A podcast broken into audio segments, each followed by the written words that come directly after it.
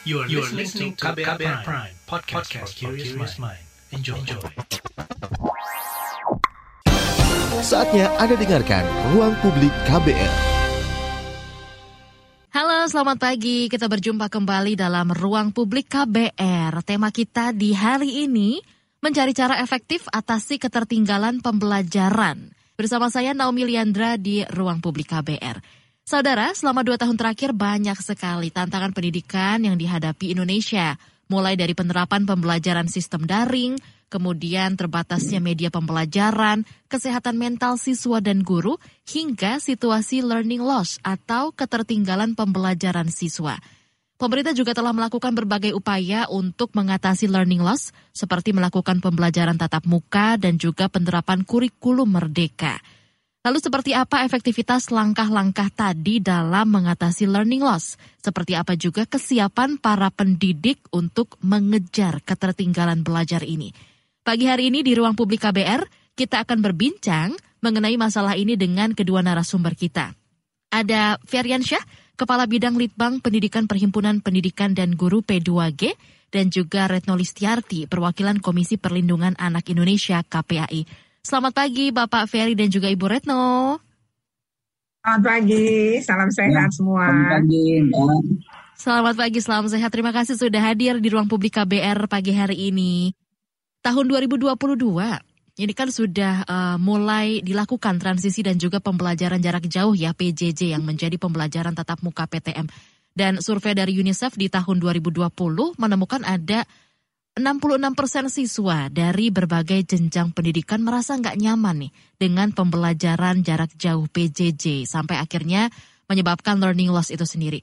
Mungkin bisa ditanggapi seperti apa Anda melihat proses transisi ini baik dari sisi murid maupun dari sisi guru. Apa tantangannya? Bisa dari Ibu Retno dulu, silakan. Ya, baik yang pertama KPAI sendiri melakukan pengawasan pembelajaran tatap muka sebenarnya selama masa pandemi ya, mulai tatap muka dari uji coba hingga berbagai perbaikan sampai 100% saat ini. Nah, kalau dari wawancara kami dengan sejumlah anak ya, kira-kira saya ini sudah datang di 235 sekolah nih Mbak di seluruh Indonesia. Dan setiap bertanya kepada anak, karena kalau kami kunjungan, pengawasan, kita sewawancara anak Nah itu tidak ada satupun anak yang menyatakan lebih suka PJJ gitu daripada PTM. Memang mereka sangat menyukai PTM dan waktu mereka berganti-gantian itu saja mereka merasa itu kurang gitu. Nah ketika sekarang 100% itu sebenarnya semua anak ya kau ditanya kembali gitu ya hmm. menyatakan juga lebih memilih PTM. Nah alasannya adalah pertama memang mereka kesulitan. Jadi pembelajaran PJJ itu membuat mereka menjadi tidak bisa belajar dengan sebaiknya gitu. Hmm. Jadi itu yang menjadi apa dampak turunnya gitu tadi yang disebut yeah. dengan learning loss tadi. Lantaran kata mereka itu pertama zoomnya itu sebentar banget.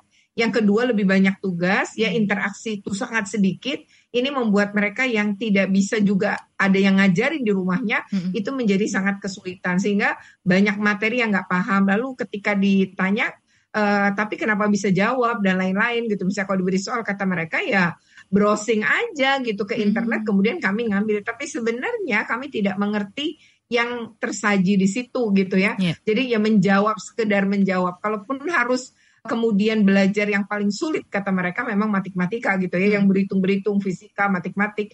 Ya ketika hitungan itu menjadi sulit gitu untuk uh, sebagian besar anak.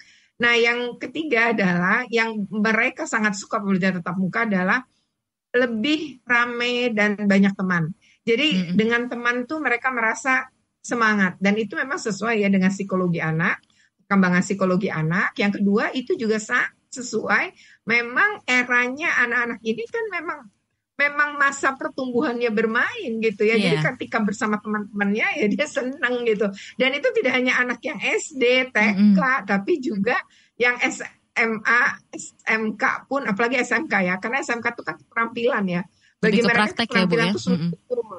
Mm -hmm. Sulit betul kalau nggak dipraktekkan gitu. Jadi memang tak ada satupun anak yang menyatakan lebih suka PJJ sih ya, mayoritas PTN. Begitu. Baik, Ibu Retno. Kalau dari Bapak Ferry seperti apa nih Pak? Anda melihatnya? Ya, baik Mbak. Uh, terima kasih uh, Bu, Retno. Uh, jadi kalau kita mengamati itu pertama memang uh, salah satu adalah perubahan paradigma kita gitu. Dunia anak adalah dunia bermain ya. Belajar merupakan sebuah hal yang keharusan tapi jangan sampai kita merampas dunia utama anak. Itu kan dunia bermain gitu. Jadi harusnya kan bermain sambil belajar. Tetapi ketika kita melaksanakan PJJ yang terjadi adalah anak diberikan hanya tugas-tugas gitu kan yang sebenarnya itu uh, pendekatannya tidak lebih dari hanya pendekatan untuk dia paham tidak me, apa mampu tidak menjawab secara kognitif saja makanya benar kata Bu Retno tadi gitu kan.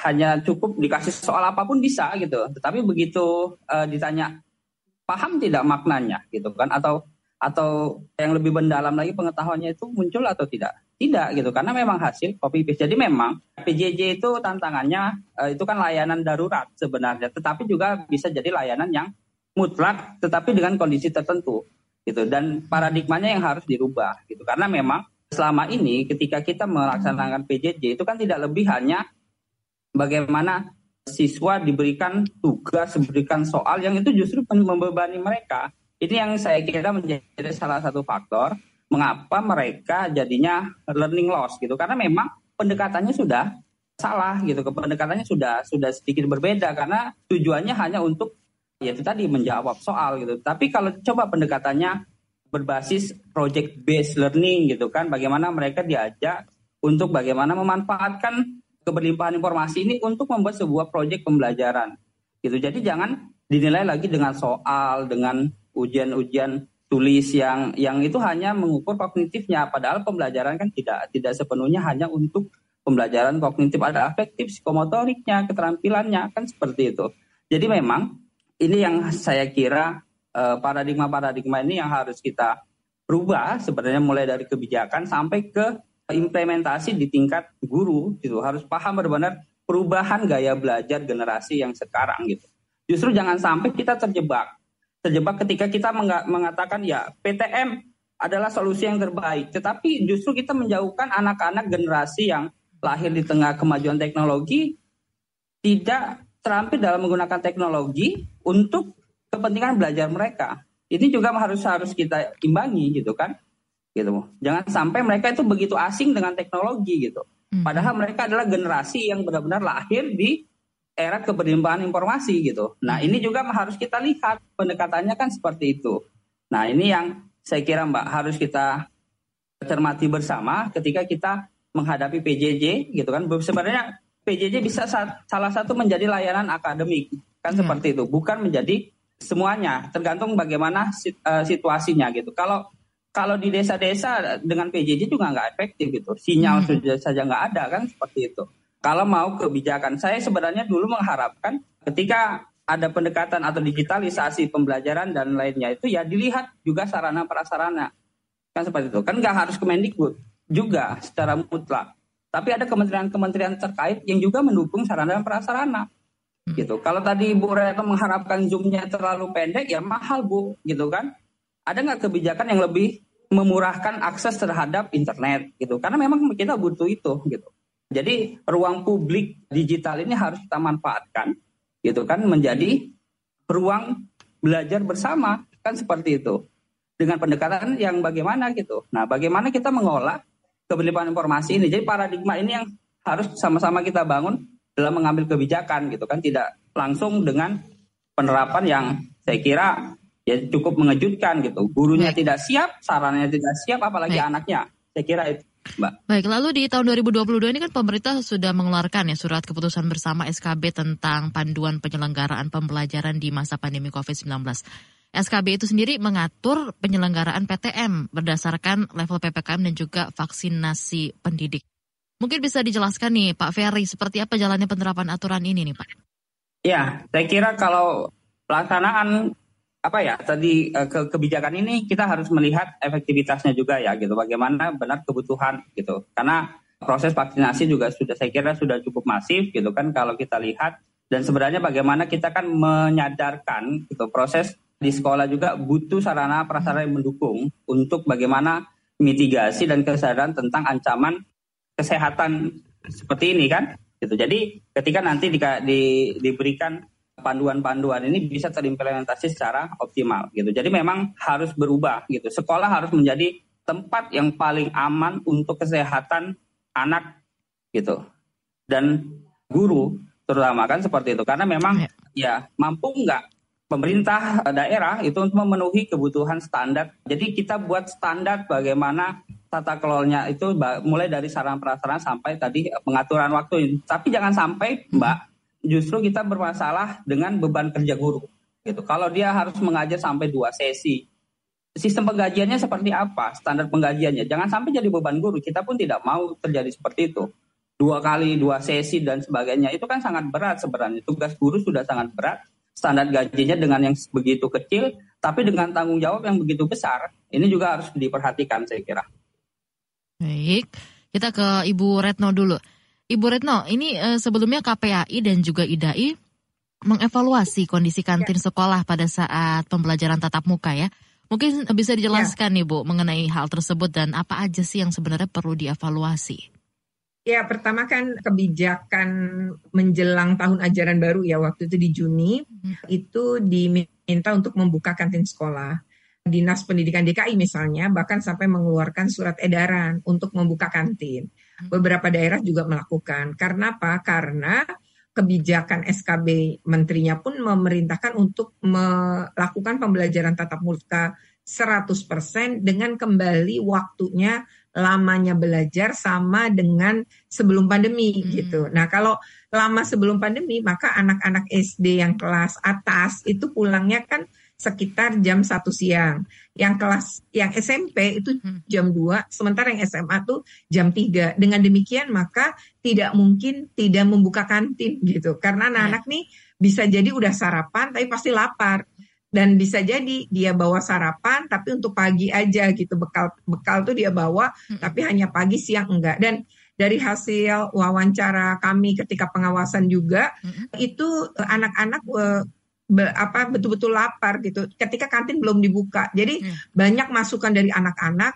bilang gitu ke kami KPAI untuk Bu usulin dong buka kantin gitu hmm. nah atas dasar hasil pengawasan memang kami mendorong pembukaan kantin, tetapi karena ini masih pandemi, maka harus menggunakan protokol kesehatan. Nah, mm-hmm. waktu itu kantin-kantin itu kan tidak buka sampai dua tahun ya, hampir dua tahun. Nah, kondisinya oh itu parah banget, jadi banyak yang rusak. Lalu uh, ini harus dibersihkan dulu, diperbaiki dulu.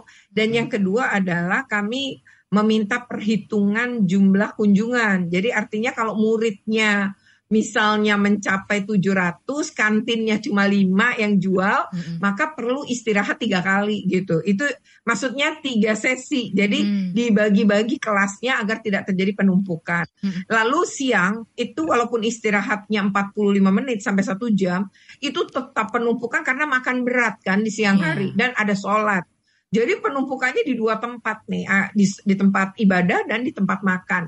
Hmm. Nah dari hasil itulah kami meminta untuk ada bergantian. Jadi ada jeda antara anak kelas berapa kelas berapa atau menggunakan lantai. Kalau dia berlantai tiga ya itu untuk upaya menghindari kerumunan. Nah satu lagi memang soal uh, ini ya makanan itu dalam kondisi tertutup tuh semua hasil pengawasan kami emang tertutup. Tetapi terkait dengan pembuangan sampah itu jadi catatan kami sudah membuat satu ini ya kriteria bahwa kantin sekolah itu paling tidak pembuangan sampah sementaranya 20 meter. Tapi mungkin karena ini kantin rata-rata di belakang, di lahan sisa di sekolah itu jadi uh, terlalu pendek jarak antara buang sampah tadi. Lalu yang ketiga kami meminta untuk air mengalir ya. Jadi hmm. nyuci nyuci tempat makan, nyuci lain-lain itu di air yang mengalir. Kira-kira sih itu ya. Jadi memang yeah buka kantin salah satu yang didukung oleh KPAI dan IDAI demi kesehatan apa pencernaan anak-anak kita. Baik Ibu Retno dan juga Bapak Ferry, nanti kita akan lanjutkan kembali obrolan kita di ruang publik pagi hari ini dengan tema mencari cara efektif atasi ketertinggalan pembelajaran. Tetaplah di ruang publik KBR setelah pesan-pesan berikut ini kita akan kembali. Masih Anda dengarkan ruang publik KBR. Commercial break. Lo boros. Gue maskulin. Rokok membunuhmu. Rokok menyelamatkan negara. Lo salah. Perdebatan yang sengit antar keduanya tidak pernah selesai dari zaman kereta roda 3 sampai kereta listrik. Dan inilah debat sebat. Membahas fakta dan mitos yang ada di balik sebungkus rokok. Dengarkan podcast Debat Sebat di KBR Prime, Spotify, dan semua platform mendengarkan podcast lainnya. Diproduksi KBR Prime, podcast for curious minds. Masih Anda dengarkan Ruang Publik KBR. Dalam KTT G20, salah satu hal yang dibahas adalah di bidang pendidikan ini upaya mengatasi dampak learning loss sendiri. Salah satunya adalah dengan digitalisasi seperti metode pembelajaran asinkron yang bisa diterapkan di perguruan tinggi. Nah, dari uh, Pak Ferry sendiri, seperti yang kita tahu nih Pak, digitalisasi ini sendiri kan menjadi penyebab learning loss ya. Tadi sempat disampaikan juga selama PJJ dan juga di masa pandemi tentunya. Menurut Anda gimana nih Pak, pengaruh penerapan pembelajaran asinkron digital ini pada kemampuan siswa dan juga kepada tenaga pendidik? Baik, terima kasih Mbak. Pertama, perubahan paradigma saya kira gitu. Jadi pembelajaran itu yang tertinggi itu kan bagaimana high order thinking skill itu ditandai dengan kemampuan siswa untuk mampu mengkreasikan sesuatu gitu. Kalau sekarang dalam pembelajaran seni disampaikan artefak pembelajaran kan seperti itu. Sehingga asinkron ini sebenarnya bisa kita manfaatkan untuk menjadi sebuah fase bagaimana siswa itu mampu menghasilkan sebuah artefak pembelajaran yang merupakan akan menjadi portofolio mereka gitu. Makanya kan pendekatan lebih kepada project based learning, problem based learning gitu yang akan menghasilkan artefak pembelajaran.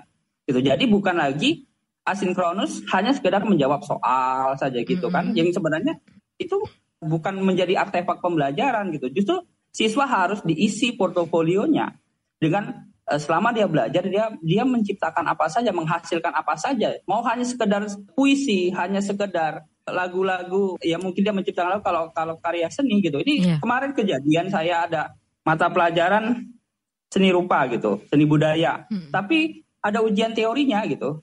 Saya agak aneh gitu. Bukannya hmm. capaian tertinggi pembelajaran seni budaya atau seni rupa itu ya dia bisa menghasilkan sebuah karya yang itu bisa benar-benar original gitu hmm. kan. Dan dan memang betul-betul itu hasil karya dan kita uh, masukkan sebagai portofolio dia. Makanya kan digitalisasi ini kan yeah. bisa dimanfaatkan gitu. Banyak anak-anak sekarang yang bisa manfaatkan NFT gitu kan untuk bagaimana mereka menjual atau hasil karyanya. Kenapa kita nggak arahkan ke sana gitu? Hanya sekedar nilai soal yang belum tentu itu bisa sinkron dengan capaian pembelajarannya gitu. Padahal kita kan ingin adanya capaian pembelajaran. Jadi paradigmanya Mbak harus kita ubah bersama. Saya kira itu. Dari paradigmanya memang harus diubah ya. Tapi mungkin nggak sih ya, Pak kan, uh, kalau apa metode apa tadi artefak pembelajaran oh, gitu ya, ya, itu bisa di, diterapkan juga di satuan pendidikan di bawah perguruan tinggi. Dan mungkin apa sih tantangannya? Hmm, tantangannya itu seperti apa? Nah tantangannya sebenarnya gurunya punya rekognisi untuk itu atau tidak. Hmm. Gurunya punya karya atau tidak. Makanya kan gurunya juga harus punya portofolio mengarah ke sana. Hmm. Gitu. Jadi bukan hanya sekedar ada manusia dewasa yang mengajarkan sesuatu hal yang punya otoritas tinggi, tetapi dia tidak punya rekognisi terhadap sebuah hmm. keilmuan. Itu juga jadi masalah gitu. Hmm. Makanya kita juga mendorong guru-guru juga punya karya, punya artefak portofolio dirinya bahwa dia itu sebenarnya kompetensi gitu, kompeten untuk mengajarkan satu hal gitu kan. Makanya kan itu kita arahkan ke sana. Salah satu kan seperti itu. Jadi artefak pembelajaran ini butuh rekognisi gitu kan. Makanya guru jangan sampai berhenti belajar. Tantangannya luar biasa gitu. Kalau hanya sekedar memberikan soal, saya kira itu harus kita ubah. Karena kan juga paradigma kita juga berubah. Yang di asesmen itu kan kompetensi, ya kan? Jangan sampai nanti asesmen kompetensi ujungnya terjadi distorsi uh, implementasi ya ujung-ujungnya bahas soal lagi gitu. Siswa yeah. uh, ber apa ya?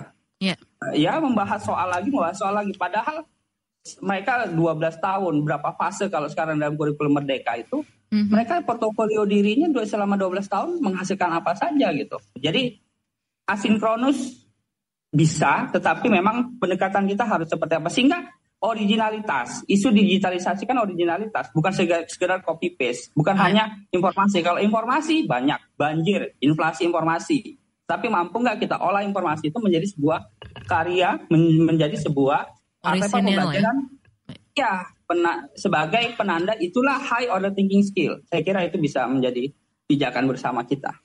Baik, kalau dari uh, sisi anak nih Ibu Retno, gimana sih keefektifan penerapan ya. metode pembelajaran asinkron gitu kalau diterapkan pada anak-anak seperti SMA, SMP dan juga SD? Ini gimana nih Ibu Retno melihatnya? Bisa sih sebenarnya. Kan hmm. jadi kalau sinkron itu kan hmm.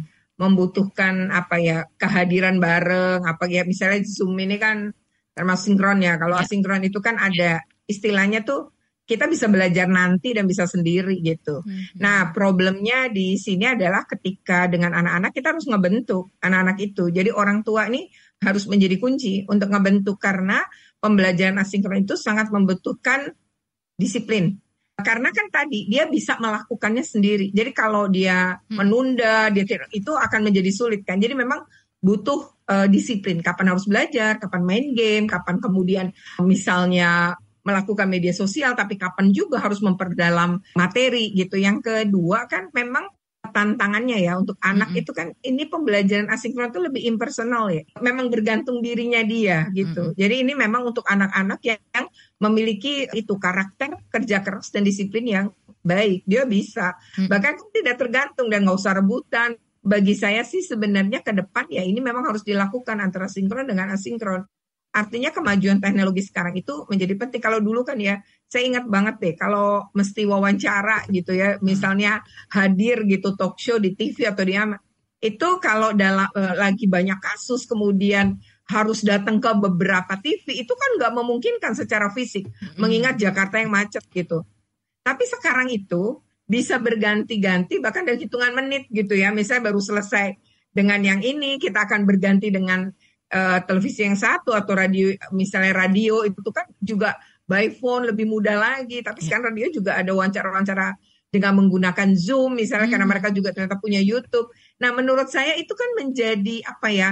hal yang memudahkan kan. Hmm. Jadi bagi saya belajar juga seharusnya bisa begitu. Apalagi untuk anak-anak yang juga bekerja.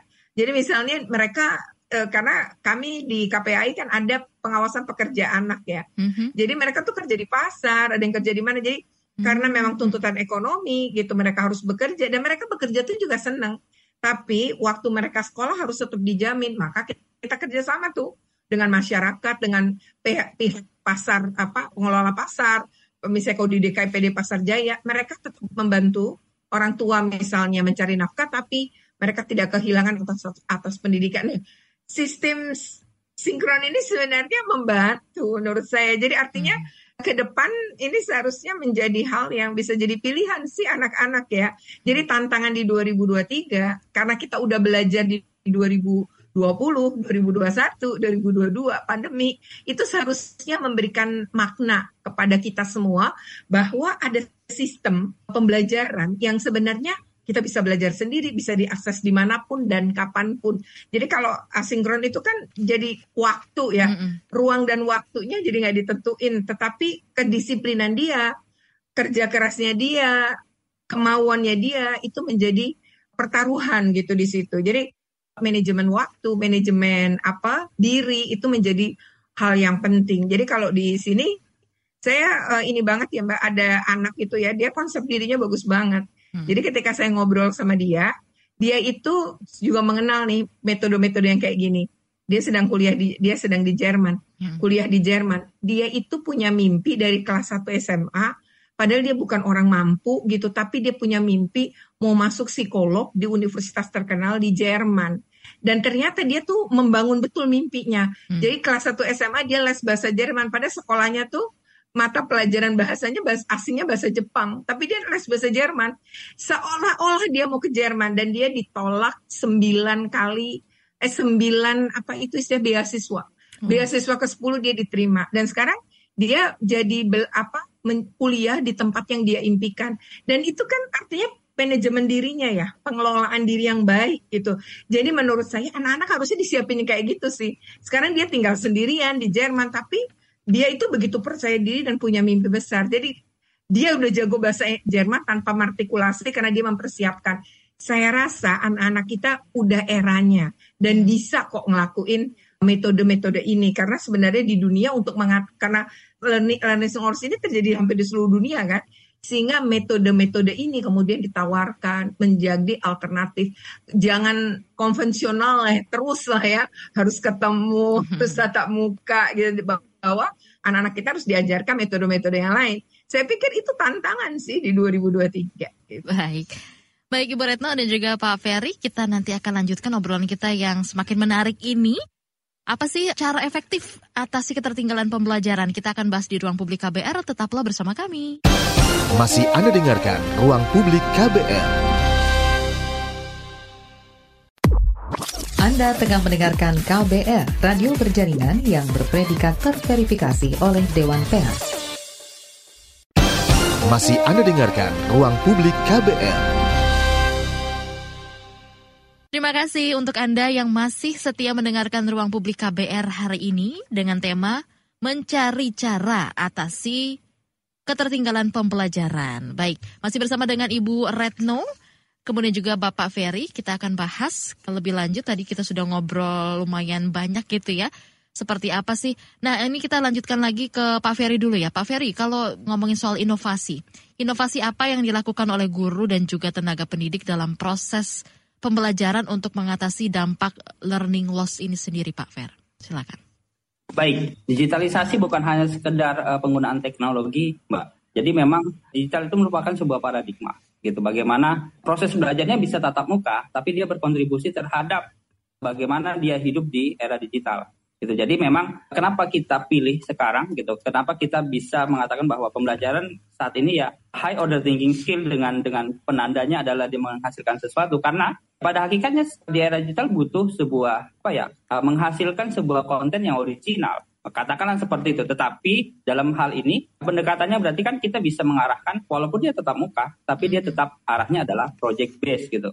Nah kemudian tadi menarik ketika membentuk gitu. Jadi sebelum anak-anak itu mulai belajar dengan PJJ, PTM atau layanan akademik ini memang butuh kebijakan yang benar-benar bisa menjadi landasan gitu kan pelaksanaan kebijakan ini gitu. Karena kita butuh itu berbagai macam inovasi layanan akademik kan seperti itu. Karena memang kebutuhan anak-anak berbeda gitu. Makanya konsep independent learner gitu karena pembelajar yang merdeka itu butuh berbagai macam layanan. Jangan sampai loss learning ini dianggap kepada seluruhnya gitu. Padahal ada anak-anak yang justru banyak me, apa ya mengalami sebuah lompatan pembelajaran juga gitu dengan digitalisasi itu juga harus kita sadari dengan keberagaman proses pembelajaran daripada anak itu gitu. Jadi jangan dianggap semua loss, loss learning gitu karena banyak anak-anak yang justru mengalami percepatan ketika dia tadi punya konsep diri gitu kan bisa manfaatkan teknologi bukan hanya sekedar untuk main games atau hanya untuk hiburan tapi dia benar-benar manfaatkan untuk belajar gitu gitu belajar bahasa sekarang melalui YouTube dan sebagainya itu sangat cepat sekali mereka bisa belajar gitu selama ada konsep dalam dirinya sebagai pembelajar yang merdeka. Itu kan bentuknya tadi apa gitu. Kalau contoh yang diberikan Bu tadi kan ada pendampingan ya, pendampingan awal untuk agar mereka menemukan konsep dirinya, potensi dirinya sehingga dia berkembang sesuai dengan potensi dan cita-cita yang dia inginkan gitu. Saya kira kita tidak tidak ingin anak-anak itu dianggap sebagai sebuah objek saja dalam pembelajaran. Mereka adalah subjek yang merdeka gitu. Jadi jangan sampai pendekatan dan inovasi itu justru menghalangi mereka menjadi subjek yang merdeka. Saya kira itu paradigma dasar yang harus kita bangun bersama bahwa anak-anak itu bisa merdeka gitu kan de, e, merdeka hmm. karena mereka punya konsep diri yang kita bentuk bersama gitu. Jadi bukan ya. lagi materinya gitu. Nah, tapi dia diberikan learning skillnya gitu. Nah, saya kita bisa ambil contoh tadi learning skillnya itu yang akan membantu dia memanfaatkan berbagai macam situasi untuk belajar gitu sehingga dia bisa belajar mau sinkronus mau asinkronus mau tatap muka mau mau jarak jauh selama konsep dirinya itu dia bisa bentuk dan dia menjadi pembelajar mereka saya kira nggak menjadi hambatan tapi uh, Pak Ferry seperti apa sih layanan yang dibutuhkan gitu untuk kemerdekaan dan juga lompatan pembelajaran ya saya kira butuh pertama itu memang ya kita butuh asesmen awal ya gitu. Saya asesmen bagaimana sebenarnya konsep diri siswa. Ini ada nggak di awal gitu. Hmm. Mungkin kalau di kelas-kelas atas pasti ada gitu kan bagaimana psikolog, pendamping, kemudian konselor itu mendampingi perkembangan belajar anak gitu. Tapi kalau di sekolah-sekolah daerah jangan guru konselingnya juga nggak ada. Jadi kan kebijakan ini harus benar-benar merata gitu. Bah, sehingga kita bisa membentuk membantu siswa untuk berkembang. Ini kan kalau di sekolah-sekolah belum tentu walaupun semua guru harusnya menjadi seorang konselor karena memang ada beberapa mata kuliah di LPTK itu yang mengarahkan ke sana kan seperti itu jadi pentingnya sehingga dia benar-benar menjadi pendamping belajar untuk pengembangan dirinya diri dari siswa gitu. Jadi layanan-layanan akademik ini juga penting gitu kan. Bukan hanya layanan akademik yang bentuknya mata pelajaran dan sebagainya, tapi pembentukan diri siswa ini juga menjadi penting karena itu senjata awal dia untuk menghadapi tantangan belajar saat ini gitu.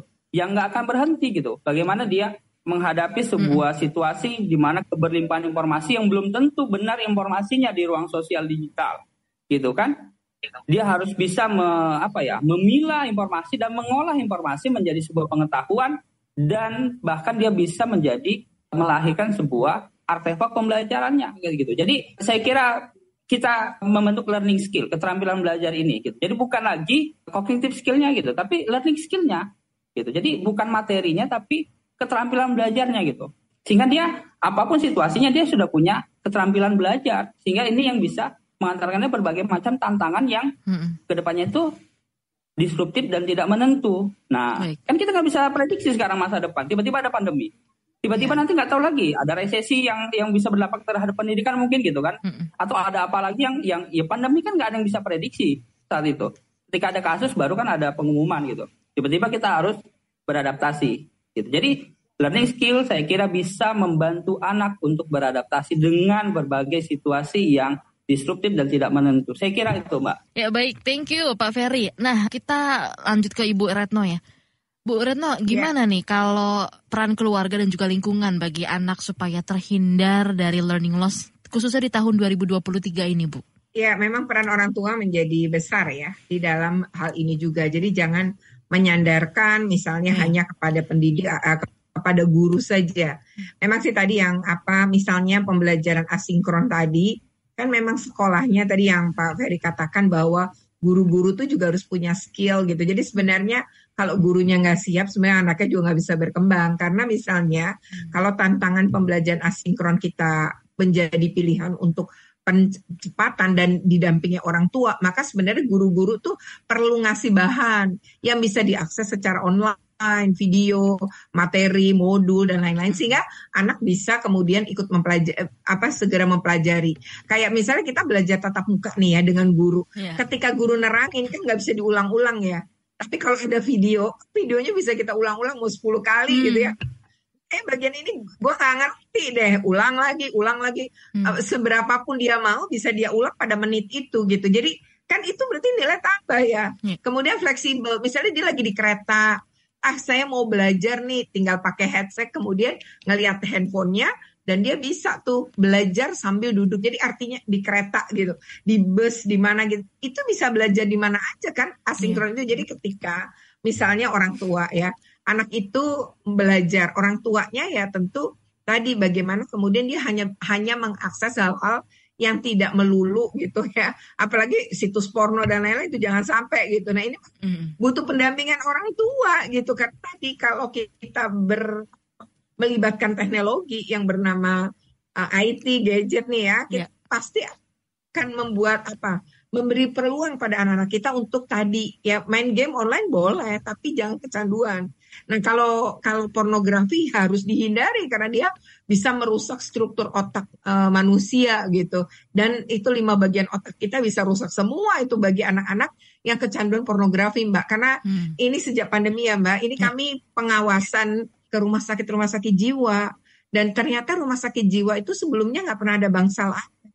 Oh. Tapi sejak pandemi COVID itu mulai dibikin bangsal anak karena jumlah anak yang harus dirawat di rumah sakit jiwa ini akibat kecanduan gadget ya mulai dari kecanduan pornografi sampai kecanduan game online ini hmm. ini tuh jumlahnya meningkat tajam jadi ada anak-anak yang hmm. dia itu mandi gitu ya yeah. cuma seminggu sekali hanya lima menit hmm. dan lebih banyak mainan game online berhenti tuh kalau tidur bangun dia main lagi ini kan butuh waktu yang panjang, nggak mungkin iya. tiba-tiba yeah. dia kecanduan. Hmm. Nah, di mana kehadiran orang tua gitu? Jadi menurut kami ini gadget ya teknologi ini seperti pisau bermata dua gitu. Jadi hmm. atau gini, dia seperti sebuah bilah pisau yang tajam. Kalau kita lengah dikit, anak kita bisa terluka gitu. Nah, yeah. makanya tadi pertanyaan bagaimana peran orang tua menjadi sangat penting nih kalau kita menggunakan media-media ini untuk mengejar ketertinggalan. Hmm. Jadi sebenarnya kalau tatap mukanya iya, kemudian ditambah dengan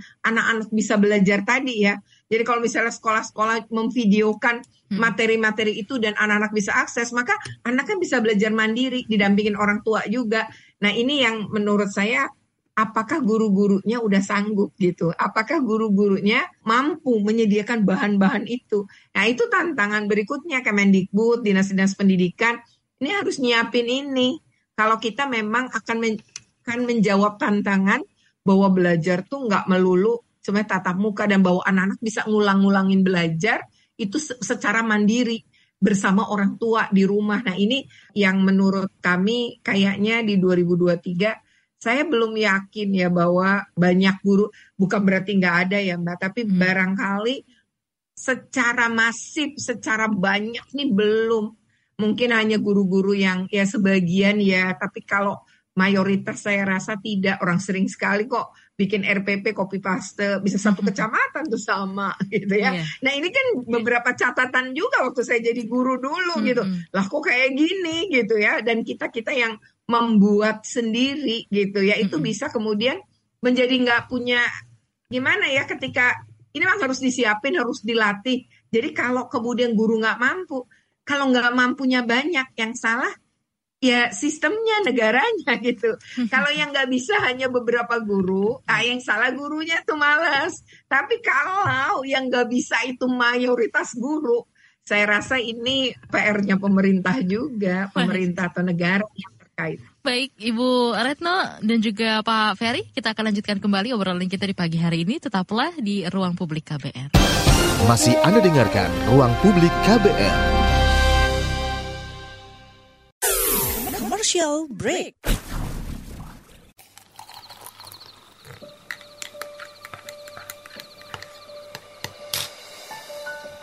Hai, kamu apa kabar? Masih suka menikmati senja dan kopi? Aku masih ingat kebiasaan kita. Sehabis pulang kerja, selalu mencari tempat untuk sekedar ngobrol dan ngopi. Tapi kadang kita kehabisan bahan obrolan. Aku masih melakukan hal yang sama sampai sekarang tanpa harus takut habis bahan buat ngobrol. Karena aku selalu mendengarkan KBR sore dari Senin sampai Jumat jam 4 sore. Ah, aku rindu. KBR Inspiratif Terpercaya.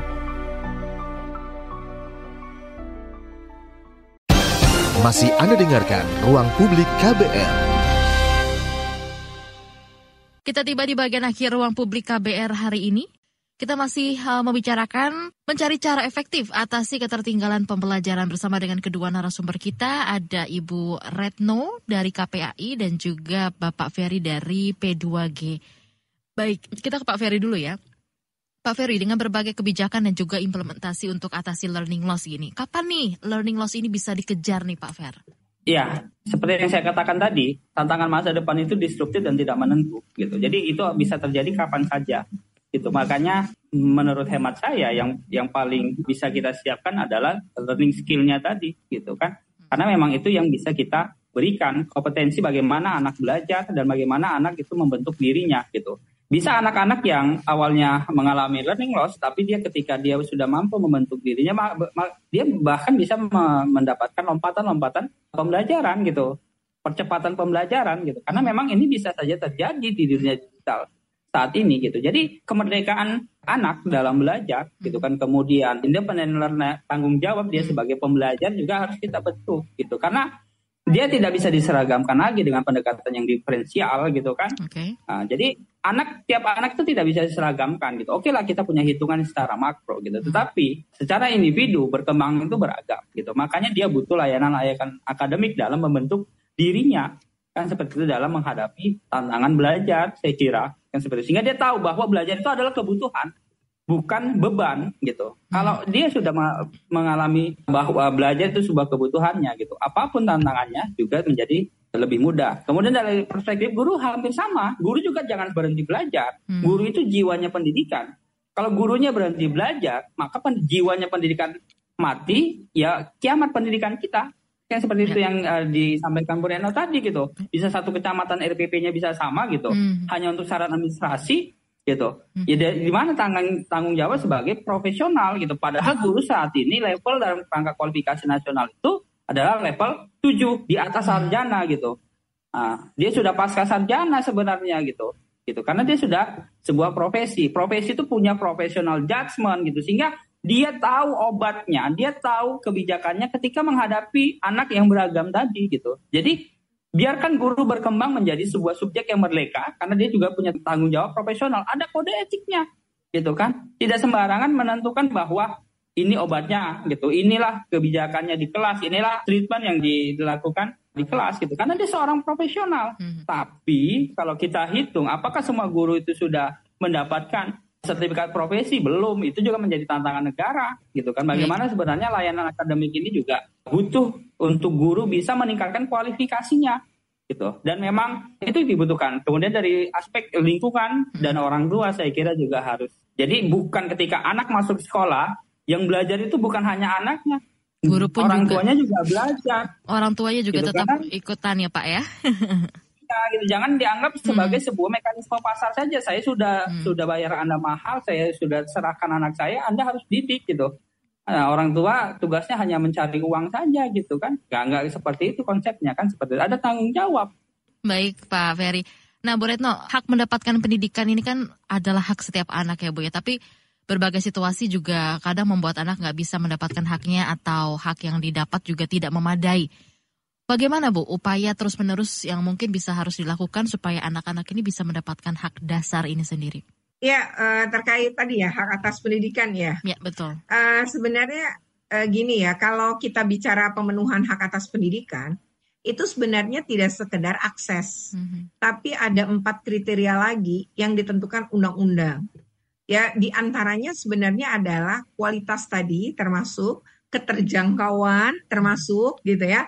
Jadi kalau kemudian sekolahnya jauh gitu ya, negeri itu jauh hmm. karena orang-orang miskin misalnya tidak tidak mampu nih, tapi pemerintah membuka akses tuh, tapi jauh ya kan nggak kesang tahu juga. Hmm. Jadi memang ada empat hal lain gitu yang dipenuhi, tapi tadi sama berkeadilan. Jadi kalau pendidikan itu ya makanya ada apa dulu Kemendikbud tuh pernah bikin sembunyi uh, apa uh, satu makna bahwa hendak mewujudkan pendidikan yang berkualitas dan berkeadilan itu sebenarnya adalah pesan sebagaimana di, di dalam undang-undang Sidiknas. Hmm. Nah, yang kedua tuh sebenarnya gini ya. Kemendikbud itu saya apresiasi loh. Kemudian ada literasi, ada numerik gitu ya, ada numerasi. Hmm. Nah, tetapi literasi ini kenapa kemudian muncul? Ya karena Indonesia itu berdasarkan hasil survei dunia yang dilakukan oleh UNICEF kita kan nol eh, UNESCO kita kan nol buku ya. Hmm. karena anak-anak Indonesia baca buku itu dalam satu tahun loh ya 365 hari itu hanya 37 lembar. Nah nggak ada buku yang dicetak 37 lembar kalau untuk anak SMA gitu. Tapi waktu itu sampelnya kan SMA SMP ya. Nah, dari situ kita menunjukkan bahwa tragedi nol buku ini maka membuat Indonesia harus punya budaya literasi. Mm-hmm. Maka literasi itu dicanangkan setidaknya di dua menteri. Nah, tapi kenapa nggak bergerak ya? Satu, gurunya juga nggak baca. Gurunya juga tidak punya budaya membaca. Itu berpengaruh sekali mm. kepada anak didik. Yang kedua, ini ada banyak kekeliruan ya. Saya tidak mengatakan bahwa mengaji itu bukan perbuatan baik. Enggak ya sama sekali enggak. Hmm. mengaji adalah perbuatan baik. Meminta anak rajin ngaji juga perbuatan baik. Tetapi literasi yang dimaksud Kemendikbud itu kan bukan baca ayat suci ya. Hmm. kalaupun dalam satu minggu lima hari baca ayat sucinya boleh deh di Jumat. Apalagi di sekolah-sekolah negeri bukan sekolah-sekolah berbasis agama. Hmm. sekolah negeri itu sekolah yang beragam majemuk gitu Nah, jadi nggak boleh menyeragamkan. Karena kalau orang yang beragama non-Islam kayak Kristen dan Katolik, mm. ya kan mereka punya cara berdoa. Yeah. Tapi kan baca ayat sucinya mungkin apalagi Tripitaka gitu, bisa Buddha, Hindu gitu, itu beda lagi. Jadi yang dimaksud Kemendikbud literasi itu sebenarnya baca, yang bukan bukan maksudnya kitab suci sebenarnya. Hmm. Tapi kalau mau ya cukup di Jumat. Nah empat hari itu baca referensi. Nah saya melihat nih Mbak di beberapa perpustakaan kalau saya datang ke ke sana jarang sekali karya sastra. Padahal karya sastra ini yang justru menghaluskan perasaan. Pendidikan tuh harusnya bikin tidak sekedar tajam berpikir tapi menghaluskan perasaan. Misalnya saja tadi ya ketika halus perasaan itu penting ya. Mungkin kita masih pada ingat video nenek-nenek ditendang sejumlah anak SMA oh, iya. ya atau ya, karena dia pada dia ODGJ. Hmm. Itu karena apa? Karena tadi tidak ada rasa halus perasaan peduli pada sesama atau beberapa kasus kekerasan yang kerap muncul gitu di berbagai hmm. satuan pendidikan itu lantaran anak-anak kita mati secara tadi rasa ulas asih, yeah. peduli pada orang yang lebih lemah gitu, itu tuh nggak ada gitu. Nah, untuk itu maka perlu diperkuat. Nah, sebenarnya salah satunya bisa melalui baca-bacaan seperti karya sastra, karena dia akan menghaluskan perasaan. Tapi pelajaran di Indonesia aja bahasa Indonesia itu kan dulu Indonesia bahasa dan sastra. Sekarang yeah. kan namanya bukan tidak ada kata sastranya lagi. Nah, itu yang kemudian barangkali perlu ya referensi itu Pertama, mungkin buku-buku umum, bukan buku teks pelajaran. Mm -hmm. Itu yang dimaksud Kemendikbud. Yang kedua, berarti harus disiapin di perpustakaan. Kalau kita nyuruh tapi kita nggak nyiapin, ya sama aja bohong gitu. Lalu gurunya baca dulu. Jadi guru yeah. tuh dorong anak, eh buku ini bagus loh nak. Jadi iya. gurunya yeah. juga harus ikut mendorong kalau menurut saya. Jadi sekali lagi literasi ini harusnya digalakan. Ngejawab tantangan ini pun tidak sekedar teknologi, yeah. tapi budaya literasi ini apalagi sekarang kan buku digital ya mbak ya nggak sulit sebenarnya nggak perlu beli juga mm-hmm. selain itu sebaiknya pustakaan-pustakaan sekolah bukunya terus diupdate terutama buku sastra dan novel saya pikir Baik. itu Baik Ibu Retno dan juga Bapak Ferry, ini karena keterbatasan waktu mohon maaf sekali kita harus sudah mengakhiri nih obrolan kita di pagi hari ini. Mudah-mudahan nanti di kesempatan lain kita bisa ngobrol lagi mengenai tema kita di pagi hari ini ya. Mencari cara efektif atasi ketertinggalan pembelajaran. Terima kasih sekali lagi untuk kedua narasumber kita. Ada Bapak Feriansyah, Kepala Bidang Litbang Pendidikan Perhimpunan Pendidikan dan Guru P2G. Dan juga terima kasih untuk Ibu Retno Listiarti, Perwakilan Komisi Perlindungan Anak Indonesia KPAI. Terima kasih juga untuk Anda yang sudah mendengarkan Ruang Publik hari ini. Saya Naomi Diandra pamit. Terima kasih dan sampai jumpa. Baru saja Anda dengarkan Ruang Publik KBR. KBR Prime, cara asik mendengar berita. KBR Prime podcast for curious mind.